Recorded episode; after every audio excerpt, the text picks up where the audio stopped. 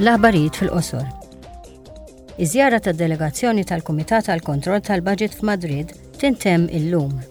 Il-membri tal-Parlament Ewropew indagaw fuq kif qed jintefqu l-fondi tal-irkupru reżiljenza tal-Unjoni Ewropea. Huma ltaqgħu ma' membri tal-Gvern, mal-awtoritajiet reġjonali, ma' assoċjazzjonijiet tal-ħaddiema u ta' min iħaddem, mal-komunità tan-negozju u mal-ġurnalisti investigattivi.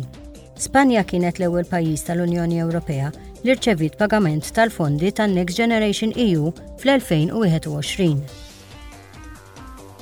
Madrid kien hemm ukoll delegazzjoni tal-Kumitat ta' Drittijiet tan-Nisa u tal-Gwaljanza bejn is-sessi. Il-membri tal-Parlament Ewropew ġabru informazzjoni dwar il-liġi għal kunsens sesswali, il-liġi dwar il-kura u d-dipendenza u l-liġi kontra traffikaru l-isfruttament sesswali. u għal taqaw ma' rappreżentanti tal-ġudikatura, NGOs, trade unions, ministri u żaru dar ta' kenna n-nisa.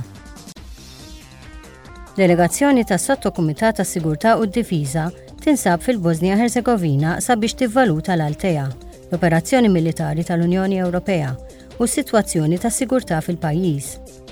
L-operazzjoni Altea hija operazzjoni militari fil-Bosnia Herzegovina biex tissorvelja l-implimentazzjoni militari tal-Ftehim ta' Dayton.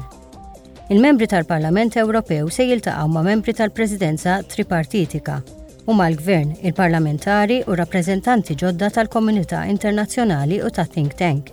Il-missjoni se tintemm għada.